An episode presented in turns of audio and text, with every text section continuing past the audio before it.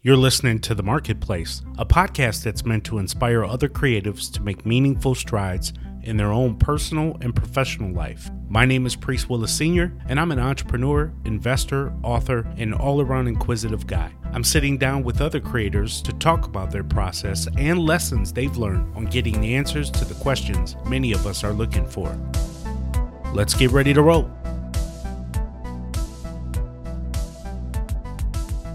What's up, family? Welcome back to the Marketplace Podcast. I'm your host, of course, Priest Willis, and I'm excited to bring you this episode today. I promise you, I really am. I know I say that a lot, but I'm really excited to bring you today's podcast episode. I talked to the host and creator of Sword and Scale, Mike Boudet. Now, if many of you aren't familiar with Sword and Scale, you're free to pause this right now. Go check it out. It's easily in my top one or two podcasts that I listen to weekly. And it is a must listen to podcast for fans of true crime everywhere, covering some of the most heartbreaking and tragic murder cases in modern history. And Mike is the creator and host of this hit podcast and clearly knows a thing or two about storytelling in its truest sense, which is why I want to bring him to you today. Many of us in business are storytellers. We have podcasts, we're content creators, and we need to be good storytellers. And what better than to hear it from people on the front lines and have done it at such a high level? And Mike absolutely has done just that. So, him and I sit down, we talk about his career path, what brought him into podcasting, developing a hit show, a very popular show, dealing with controversy along the way. We just have a lot of topics that we cover. And um, I really did enjoy my time talking to Mike. Um, there were some very transparent moments. And uh, hopefully, you guys pick up on that. And uh, hopefully, it's meaningful to you. So, without further ado, Here's my guess Mike Boudet.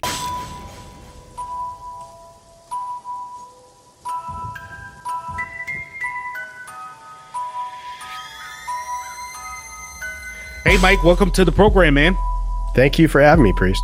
Yeah, I'm excited to have you on. I, you know, obviously Joe Rogan is the one of the more popular podcast folks out there. For me personally, when I first started getting into podcasting, and I know five years ago, which is when I think about I, I, I found your podcast, seems not that long ago. In the podcast world, it's a century ago. Mm-hmm. I mean, you were, in my mind, one of the first people to adopt podcasting and uh, then adopt it from a true crime perspective. I don't remember a lot of true crime folks either. Not even Dateline, I don't think, and those guys were 48 hours were posting up their stuff at the time. Yeah. So you're like a you're like a trailblazer to me just in the podcast world as a whole. So, you know, thank you for you know connecting with me. I wanted to to dive in a little bit and just, you know, I, I wanted to know what took somebody from internet marketing who was doing SEM stuff and all of a sudden make a mm-hmm. pivot into podcasting. What what how did that transition go? What brought you there? Well, I appreciate I appreciate that intro. That's humbling, but it's it was a wild ride to get to it. And when and when you say I'm a trailblazer in the podcasting space, I mean I was podcasting maybe eight years before that. Wow! And I tried all these different things. I mean, they love to these days. They love to call you a grifter because you because you try stuff. That's the lovely new term that they they love to use. But uh, that's crazy to me, by the way but I, I mean, I tried a lot of things during my life and my career. And, and you know, you, you said uh, we were having a little conversation before this. You, you said you're 46. Yeah. Yep. I am 46 too. I turned uh, 46 in October and it's, it doesn't feel like I'm a middle aged man. I feel like Me a little neither. kid still. I, I um, turned 46 in December. I don't feel middle aged myself. But I, I, over the course of those 46 years, I've, I've had a pretty interesting career path. I'll start at the beginning kind of quickly work my way through because otherwise I think it it's a little boring. But what, when I was in high school, I wanted to be a musician. I wanted to be a rock star. Put it to you that way. I I would you know I, I begged for a, a drum set on my 16th birthday, and my poor mother bought me one, and then a guitar. I think on my 18th, an electric guitar, and and I started writing music, getting into bands and stuff like that. And I've always had a bit of an entrepreneurial spirit. So after a few gigs, I met a guy who was interested in gear and technology. and we put our uh, gear together. I had a little bit of gear I had uh, accumulated, and we started doing like uh, demos for local bands and stuff like that. Fast forward a few years, we had opened up a very very you know basic recording studio in a warehouse district in a part of Miami where you wouldn't want to go at night.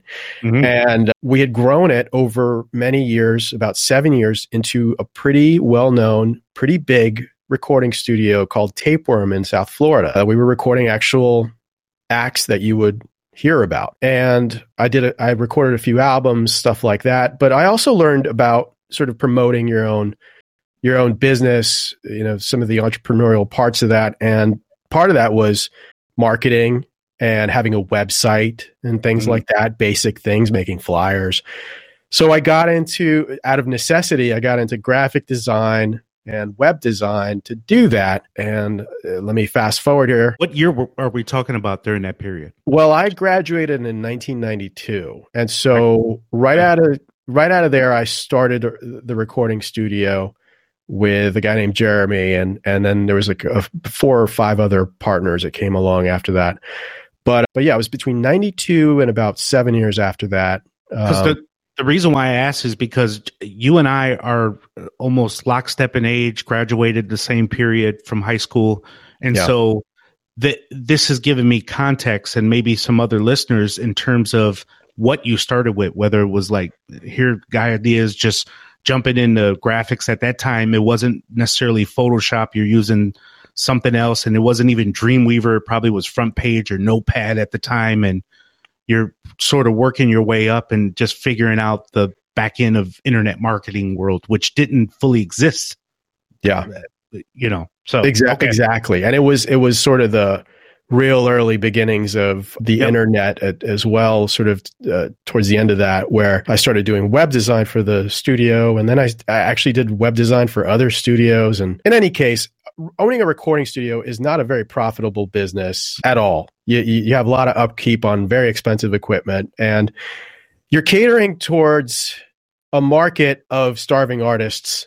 so, right it's not a i wouldn't recommend it. And I, I ended up getting but the thing is that that that sort of like put me in a place where i had all these skills i had developed about graphic design web design.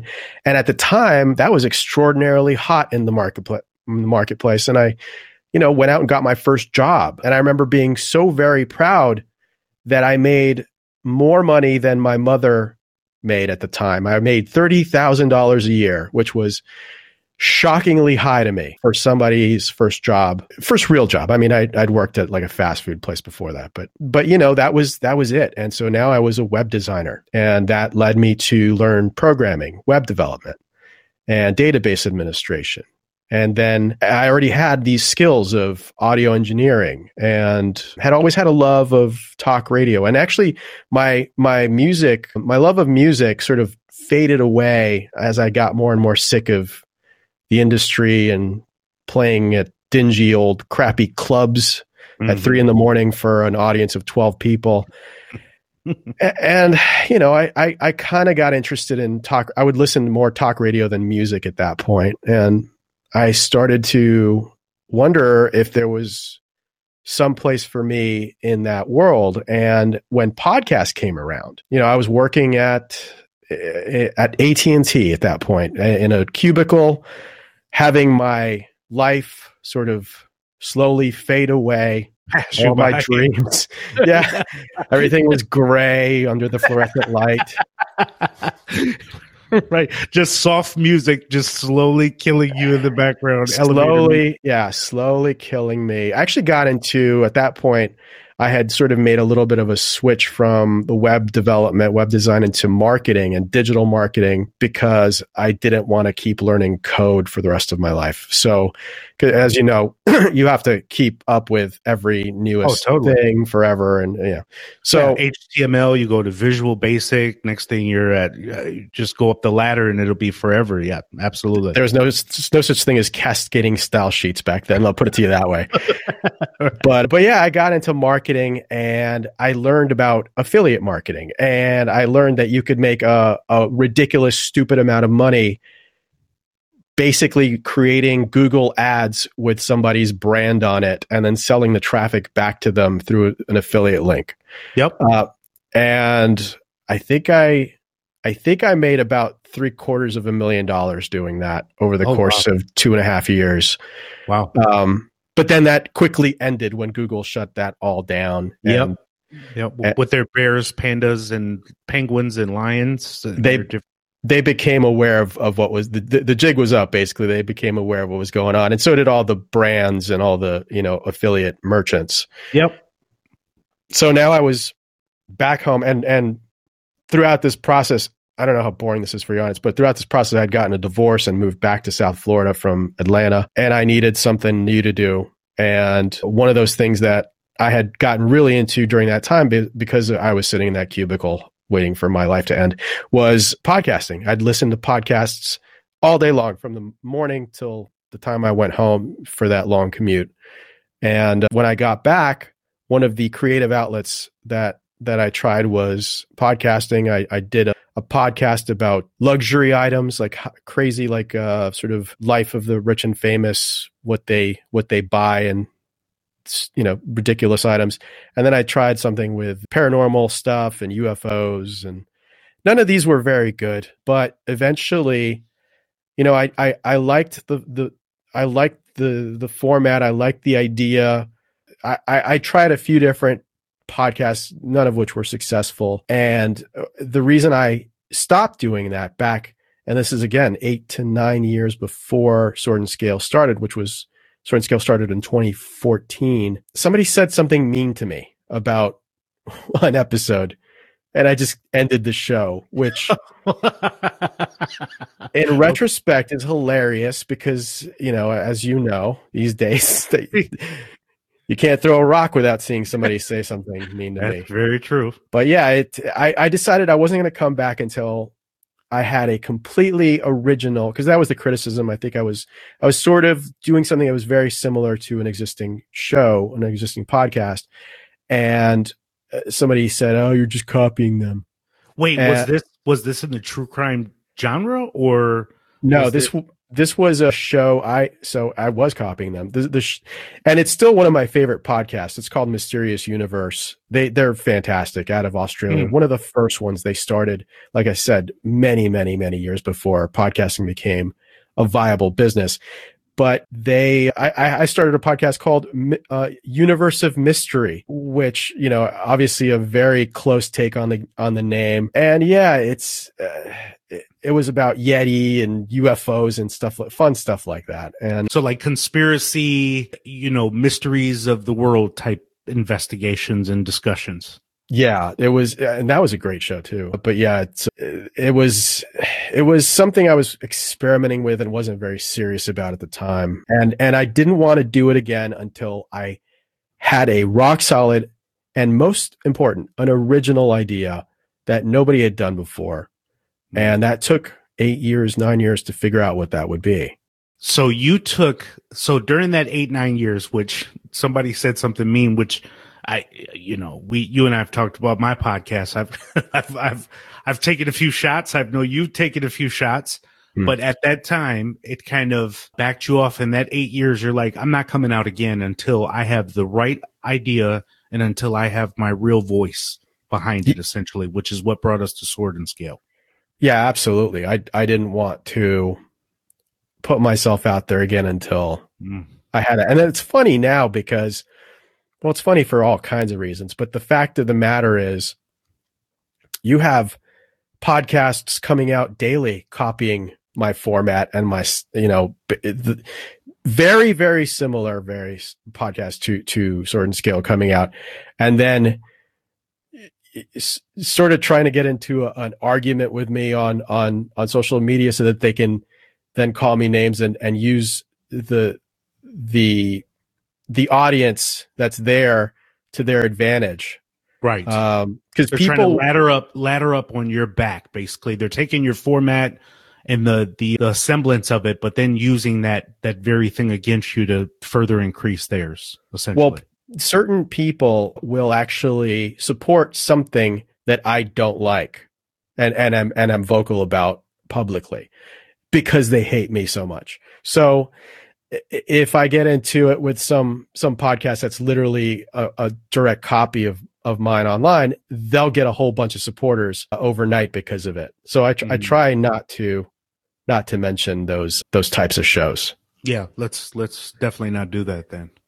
So so so Mike, tell me tell me the science behind the research you do on the podcast. We talked a little bit offline I told you several f- five years ago plus, probably in your first 15 episodes, I went to sleep with your podcast. What woke me up was like this uh, particular episode, number 15. A guy is shooting these kids and people should actually listen to it. I, that's not putting it in the right context, but you need to, to listen to it to hear the story. And it popped me up and I'm like, what podcast is this? And I don't yeah. know how it melded into that episode but after I listened to so many episodes, I mean, the way you do the intros with the music and just the stylistic approach that you had to podcasting, for me, this is for me, audience, was mind blowing at the time that that many years ago because I didn't hear anyone do a podcast like that. In my opinion, I thought it was better than like Serial and some of these others, just based on how it told it. I mean, literally, I felt like I was watching a channel. And so I'm, I'm not blowing smoke here, but I, I just want to hear what, what's the science behind the research? And I know you have a team now, but I mean, how did, how did you go through that, man? How did you go from eight years of developing your mind, what this is going to look like on the next, the next step to what, what it became on by episode 15, for example, to walk me through that. Well, I, I, I knew what, and it sort of, you know, it it evolved as I did it. it. It sort of took on a life of its own as I did it. But I knew what I I didn't want to do. I didn't want to sugarcoat anything. Hmm. I didn't want to to sort of appease the very sensitive portion of the audience just just to make sure that we we, we appeased everyone. You know, I wanted it to be visceral. I wanted you to feel feel something, not just mm. hear something and then go about your day like nothing happened. These these are stories of the worst things that happen in our society, the worst of the worst. And you you shouldn't live in like an ostrich in, in a society like that where you you sort of pretend like everything's cool and and humanity is decent and good by by nature. You should you should really get a, a taste of what reality is. I think. I think you're better off in in that in that scenario. So I I knew that I wanted to have something that that made you feel. And so uh, the the way the the sort stories are structured and the way the whole show is structured is is with that in mind. We don't I don't like a show where you have some crappy narrator that doesn't know even how to read without making it sound like they're reading talking into their Bluetooth laptop microphone for an hour straight, describing a crime. I want you to be able to hear the 911 calls. I want you to be able to hear the interviews that police did with the suspects. I want you to be able to hear firsthand from the victims' families in the courtroom and that is going to make you feel, if anything can make you feel something, that's going to be it. It's not going to be some narrator recounting the story and then whitewashing it for you, making it palatable and easy to digest. It's going to be the horror of it. And, and these are murders. You know, they're not they're real murders. This isn't. I don't know why you're listening in the middle of the night, but it's it's not a bedtime story. yeah, we'll we'll have to talk about that. right. no, I I mean, for, look for me again. I appreciate the art of what you're bringing to these stories. I mean, when I talk to people about storytelling, I look at you because the way you narrate and how you tell these stories are, are so very key. And you're right. I, I realize that there's people out there that their sensibilities may be affected by this. And the cool thing about podcasting is you could just stop listening. I mean, oh yeah. It's, it's not, look, I never, this show is not for everyone and yep. never should be. And yeah. if this isn't for you, by all means, go listen to you know Crime Junkie. It, it, it's it's a show for a certain type of person that wants to know what's really happening and and is okay with having their feathers ruffled a bit in the process. And, and that, if if that's what we're doing, then we're we're doing it right. I think. I, I hope that it continues to be that that it continues to make an impact because there's too much other uh, white noise out there that's just it's just entertainment and and I I think that we we tr- we this is entertainment too. I'm not saying it isn't. We're not we're not you know trying to change the world, but there is some benefit to telling it like it is, without lies, without the the the uh, sort of gloss that the media puts on the world, and letting you actually see what it's all about, and then making your own decisions about that. Well, well, well tell me this, Mike. Why do you think Sword and Scale which again is my easily my number one. I, I like it better than Joe Rogan. Easily my number one podcast. I'll I'll say that for our listeners out here. But why do you think it is such a lightning rod when you are just telling stories that are real? Yeah. These are human. You and I talked about this offline, but we we love thinking about the psyche of people. I mean, small experiments to me have been social media and other stuff on how we treat each other when you think you don't know us or you can't find us and how we treat each other there. But some of these are very direct personal killings and travesties that we hear about. But why do you think Sword and Scale has been a lightning rod, both on the good side? Because as you mentioned, you've had a lot of people copying the program. So there's obviously some compliment in that, I'd imagine. But why do you think it's it's been this tear for Sword and Scale? What what what has that been with the some of the controversies aside, but just with the podcast itself and in you and what you bring, why do you think that happens? I think I think this is pretty well sort of known that n- the villain doesn't ever think they're the villain. Mm. They they they think they're the hero, despite what their actions are. And and we see this on on we were talking about this earlier. We see this on social media more and more every day.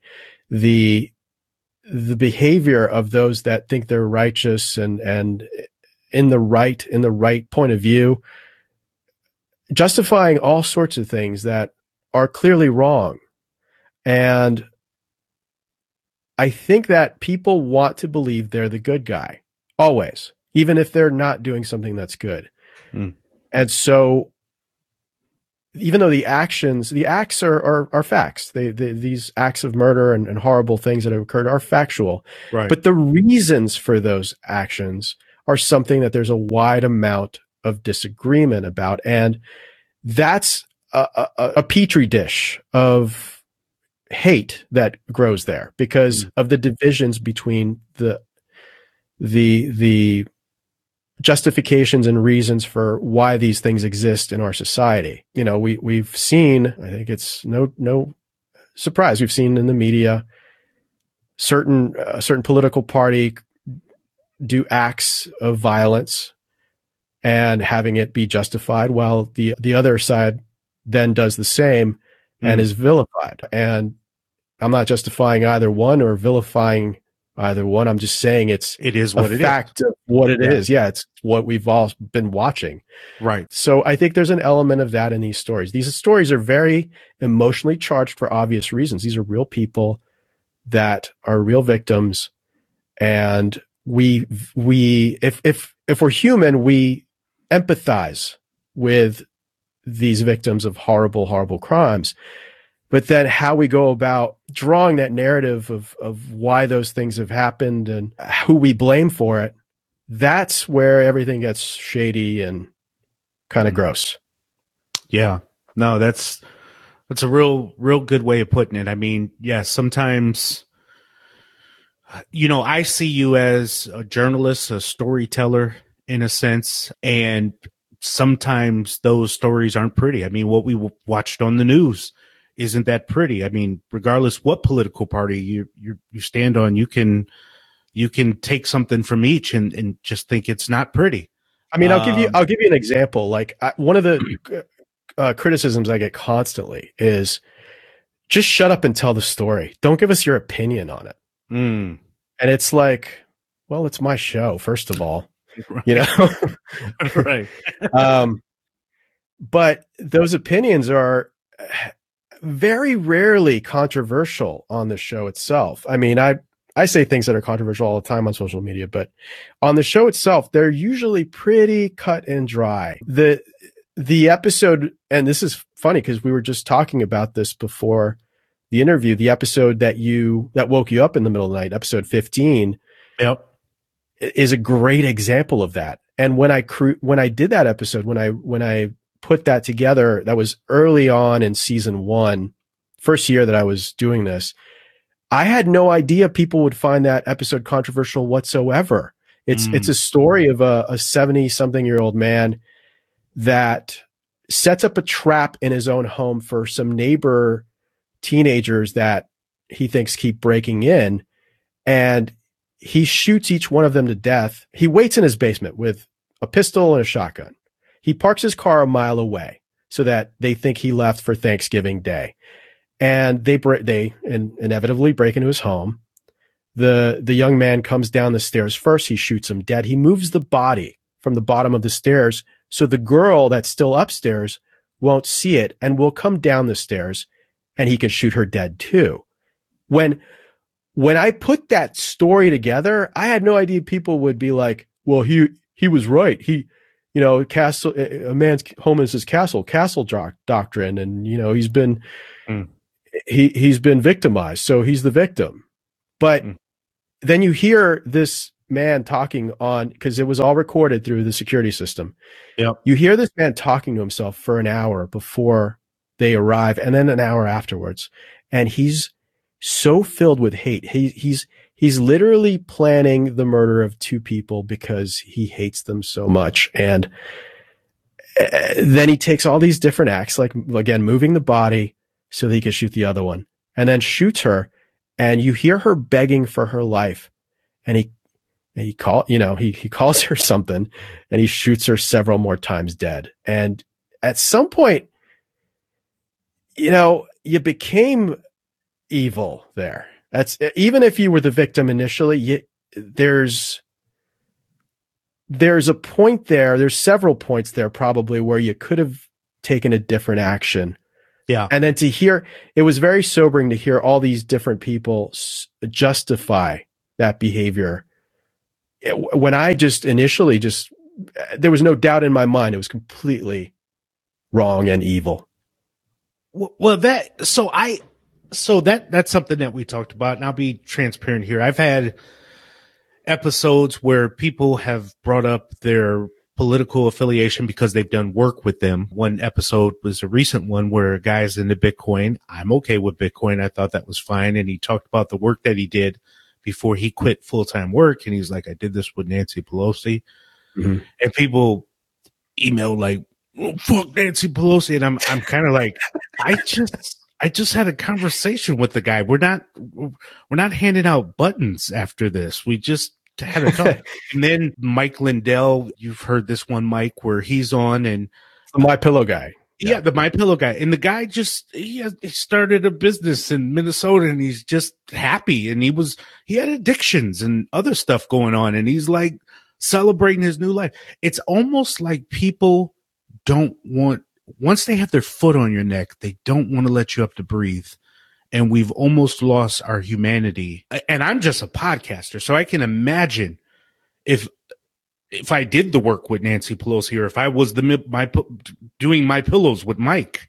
Yeah. I, I I I just we are losing human, humanity when we have storytellers like yourself and others that are just putting the information out there. I mean, forget storytellers. The fact that you can just hate a, a pillow salesman because he doesn't believe what you believe is Right. freaking mental. I, Uh, I I just don't get it. And if the guy listen, no matter what you think about him, why can't he think why can't he why can't he think that way? I mean, I, I I'm I'm probably I've just lost five listeners now. My just, just five. just this just this minute, just five for now. Oh, okay. So, so, so, so tell me, I, how much of the stories that you tell, Mike, impact your own sanity. So, you know, it's like police officers, right? When they're on the scenes yeah. of the crime and they deal with this stuff, I know it eats away at their soul. How much of this, when you're doing the research and all of this other stuff, do you feel it? The, the empathy of the people, whatever it may be, however you want to classify it, how much of it eats inside of you? Honestly, I think, I think social media has mm. eroded my sanity more than any other thing, especially even even the horrible stories we tell on the podcast because these are things I mean I'm I'm aware of what society's all about, what people are all about, what people are capable of. You know, I grew up in South Florida. People are people are shit.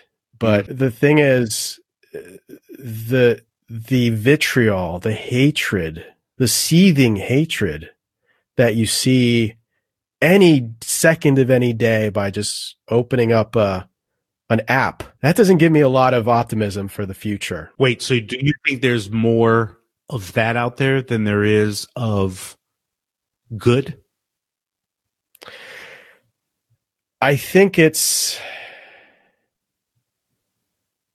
it's something that's now celebrated to some extent. And publicized. Whereas before, it was sort of you, you just kept that kept that to yourself. You know, like I think you you met you you you brought up this example earlier. There's pe- people on a daily basis say things on Twitter that they wouldn't ever say in an elevator. Totally. Yeah. And uh, we've lost we've we've lost our humanity to some extent because of it. We've lost our ability to see each other as human beings and it's just a fight for the ego. Mm. It, it doesn't it doesn't make me feel good about the future. And and it has and and I've become more and more cognizant of it lately how it does actually affect my mental health. There's been times where several times where I've just had to just get off get off of social media completely for at least a few days and it is an addiction too. That's the other thing that people don't talk about. There's clearly addictive patterns there that I've noticed in myself regarding social media. 100%. I think that's all of us. I mean, these developers, it's a far cry from me and you do, doing HTML static web pages, but these, these, these, these developers and people, I mean, there, there was a documentary on Netflix that talked about the investment in the psyche that first they're dealing with the science and then the developers go build these apps around the science so the investment in instagram is you putting your pictures up and your mood is swung by the likes or dislikes or the views or non-views yeah. i mean imagine the you just coming in starting a podcast mike initially because you thought it was a good idea you wanted to share something that you thought was interesting. Ordinarily, you would have watched Dateline or something, but you think you have a very unique way to, to tell stories. And now all of a sudden you're driven by the analytics of it all and how much that sways your, your personality and who you are versus just the, the simplicity of you wanting to tell stories. And now people are out on Twitter just shitting on you because you're a guy that tried something. Um, well, you you see it. I mean, yeah, absolutely. The there there's there's a lot of unconscious reactions to you know that little the the serotonin you get from uh, getting a, a, retweet or getting somebody to yep. side with you on a certain particular issue, things like that. I I I'm have mixed feelings about that because I do think that people are individuals and they should be accountable for their own actions. So I don't think that for example, a platform like Facebook or Twitter has the ability to completely uh, affect an entire worldview and, for example, an election or something like that. But I think people are responsible for themselves for what they buy into. And I think society has been eroded. You don't think uh, this is a question, and I, yeah. it's not rhetorical, but you don't think society has somewhat been eroded by some of the you just mentioned five minutes ago that you know I, I, you know there's there becomes less hope in the future you don't think part of that has been eroded away by social media? And that's a that's a real question. Yeah no here's here's the thing. The the and you can blame podcasts too for this and and YouTube channels. The fact of the matter is there was a time where in both of you're 46 i'm 46 and in our very own lifetime where you had like five or six major network stations.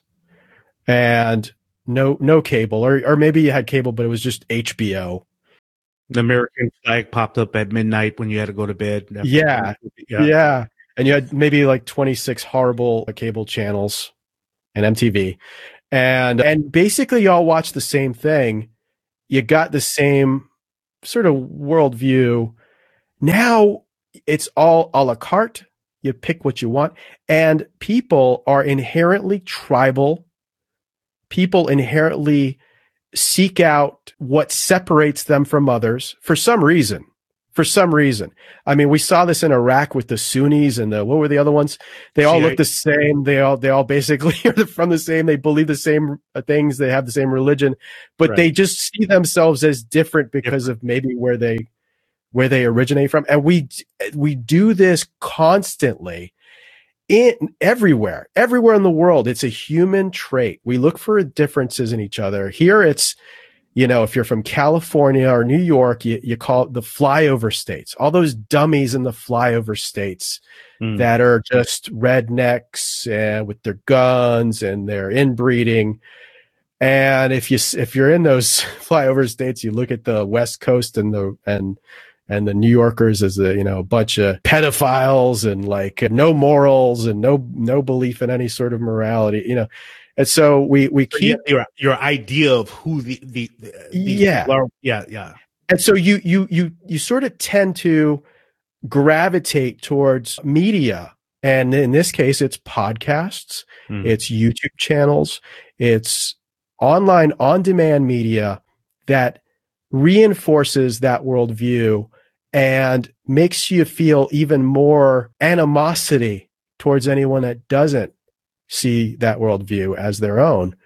And it gets worse and worse and worse the more sort of s- split up and segregated we get. And it's, it's, it's literally a choice that each individual is making because of their inherent human nature of being tribal and being filled with hate and wanting to express that hate in some way, even though you live in the richest, best country in the world with literally everything at your disposal. We all carry around little personal computers that, you know, tell us w- everything we, we need to know about the world and help us navigate through it. And, and we all have, you know, even if you're middle income, even if you're lower middle income in this country, you, you live better than 90% of the rest of the world.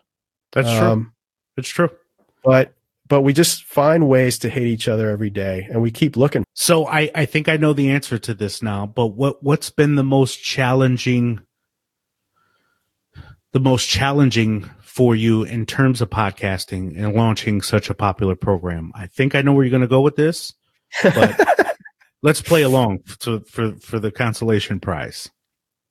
Well, you know, I thought that I come from old school, you know, lived, growing up in this, born in the '70s, growing up in the '80s. The uh, those that old stupid concept that being a celebrity, being rich and famous was awesome, you know and martinis and, and private jets and parties and you know all the all the tail that could be thrown at you. But but guess what? It's not so fun in 2021. no, no, not having a good no, time. No, and I think that even I mean even if you ask a lot of a lot of celebrities will say the same thing. It's like you know it's, it's social media has ruined everything. You really are in a fishbowl in a lot of sense, right?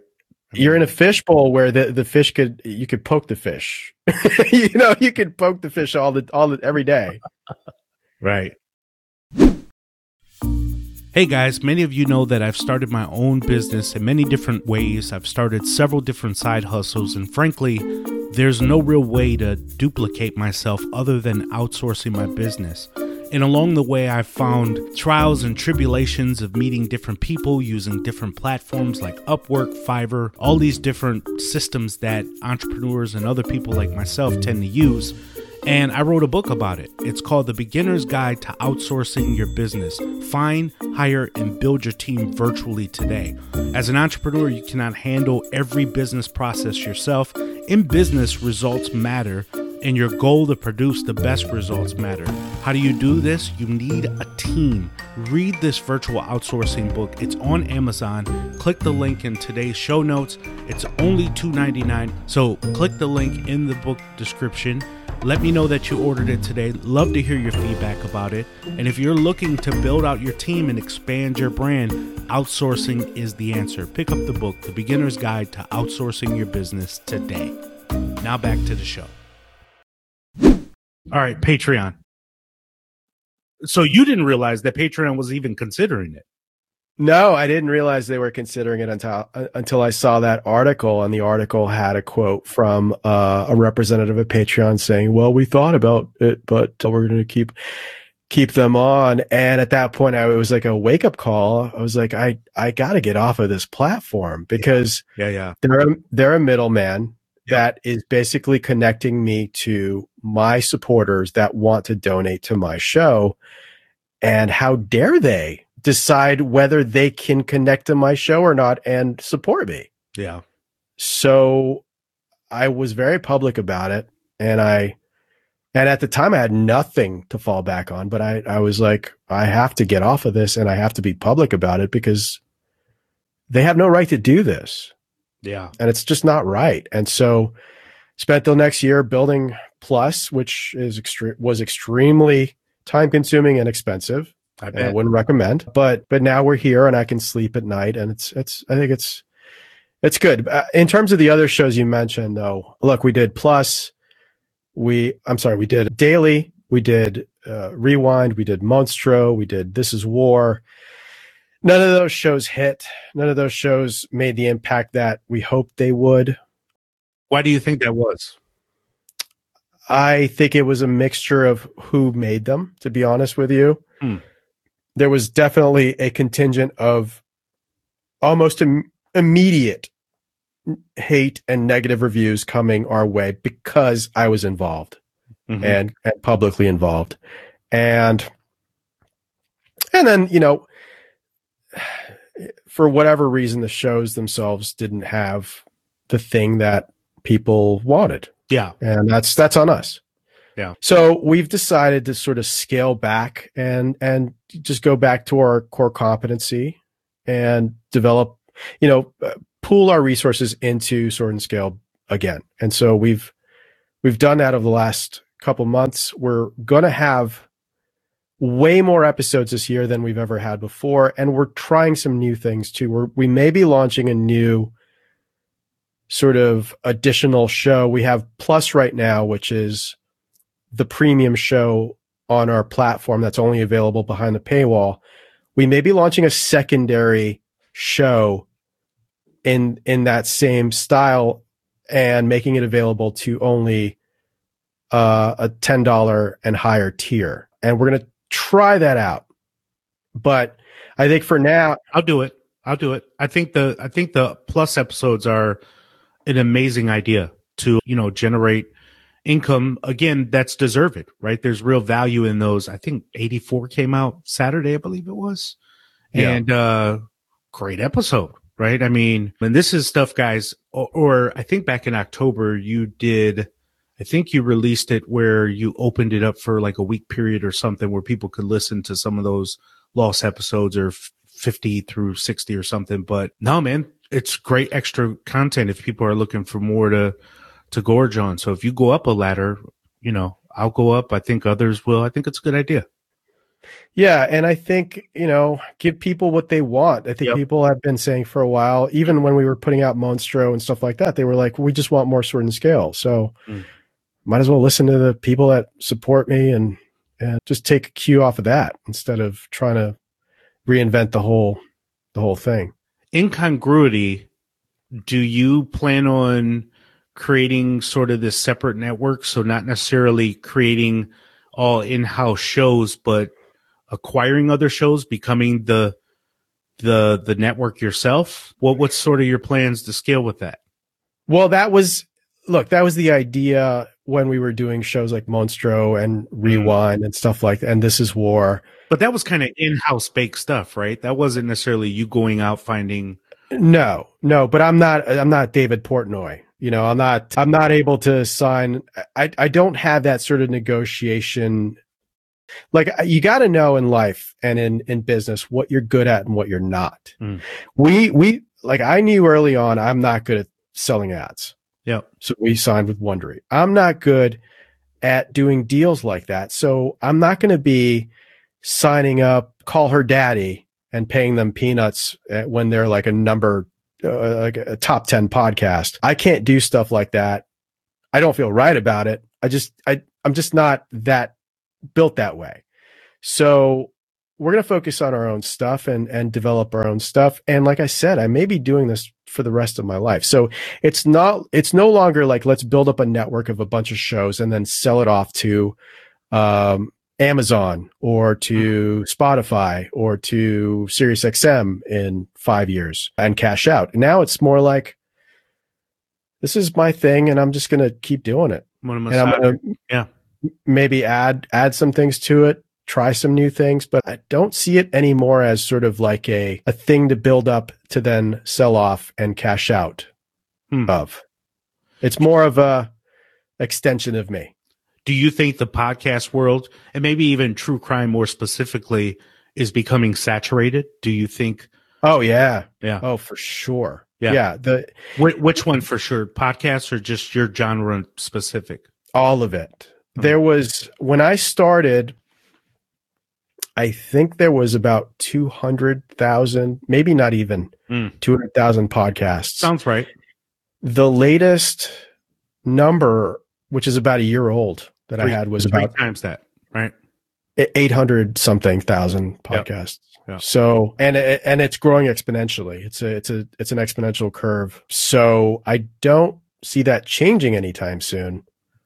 And again, from the things we talked about, that's a little bit problematic because even if you're now, if you're like a right wing extremist, now you have like five different sort of flavors of that, which you can choose from in terms of your your media consumption you know. So it it's gotten it's more and more split off. It's more and more you you you can fall into these little niche areas and and just consume there. And it, it, it sounds wonderful. It sounds great, but then there's also this whole, there's a lot of problems behind that that could evolve. Oh, I, I agree with you. I agree with you. I, I think it yeah. sounds wonderful in the one sense, but I, I agree with you 100%. I think there's going to be, there's going to be some things lost in the sauce as a result, particularly once networks and other people really start diving in. And yeah, I think there's, there's a lot of problems that can come from that. I totally agree.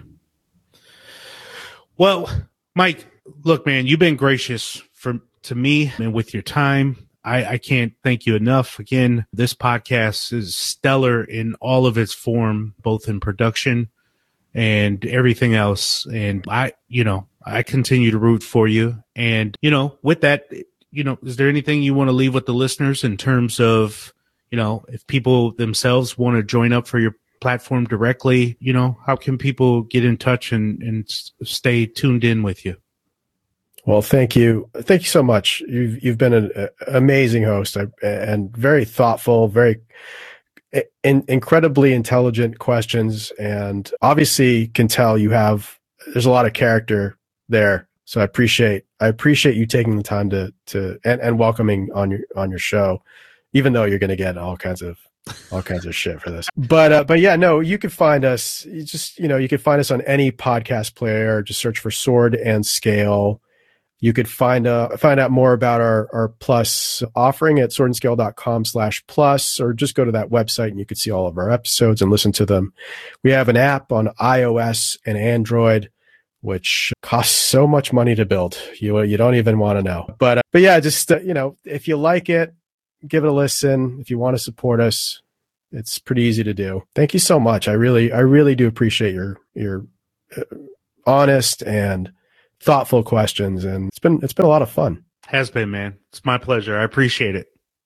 Thank you, podcast family, for listening. If you enjoyed this episode and you'd like to help support the podcast, please share it with others, post about it on social media, or leave us a rating and a review. To catch all the latest from me, you can follow me on Instagram at Priest D. Willis Sr. and on Twitter at Priest Willis. But I really do appreciate your support, and it means a lot to me. So thank you again, and until next Sunday, we'll talk soon.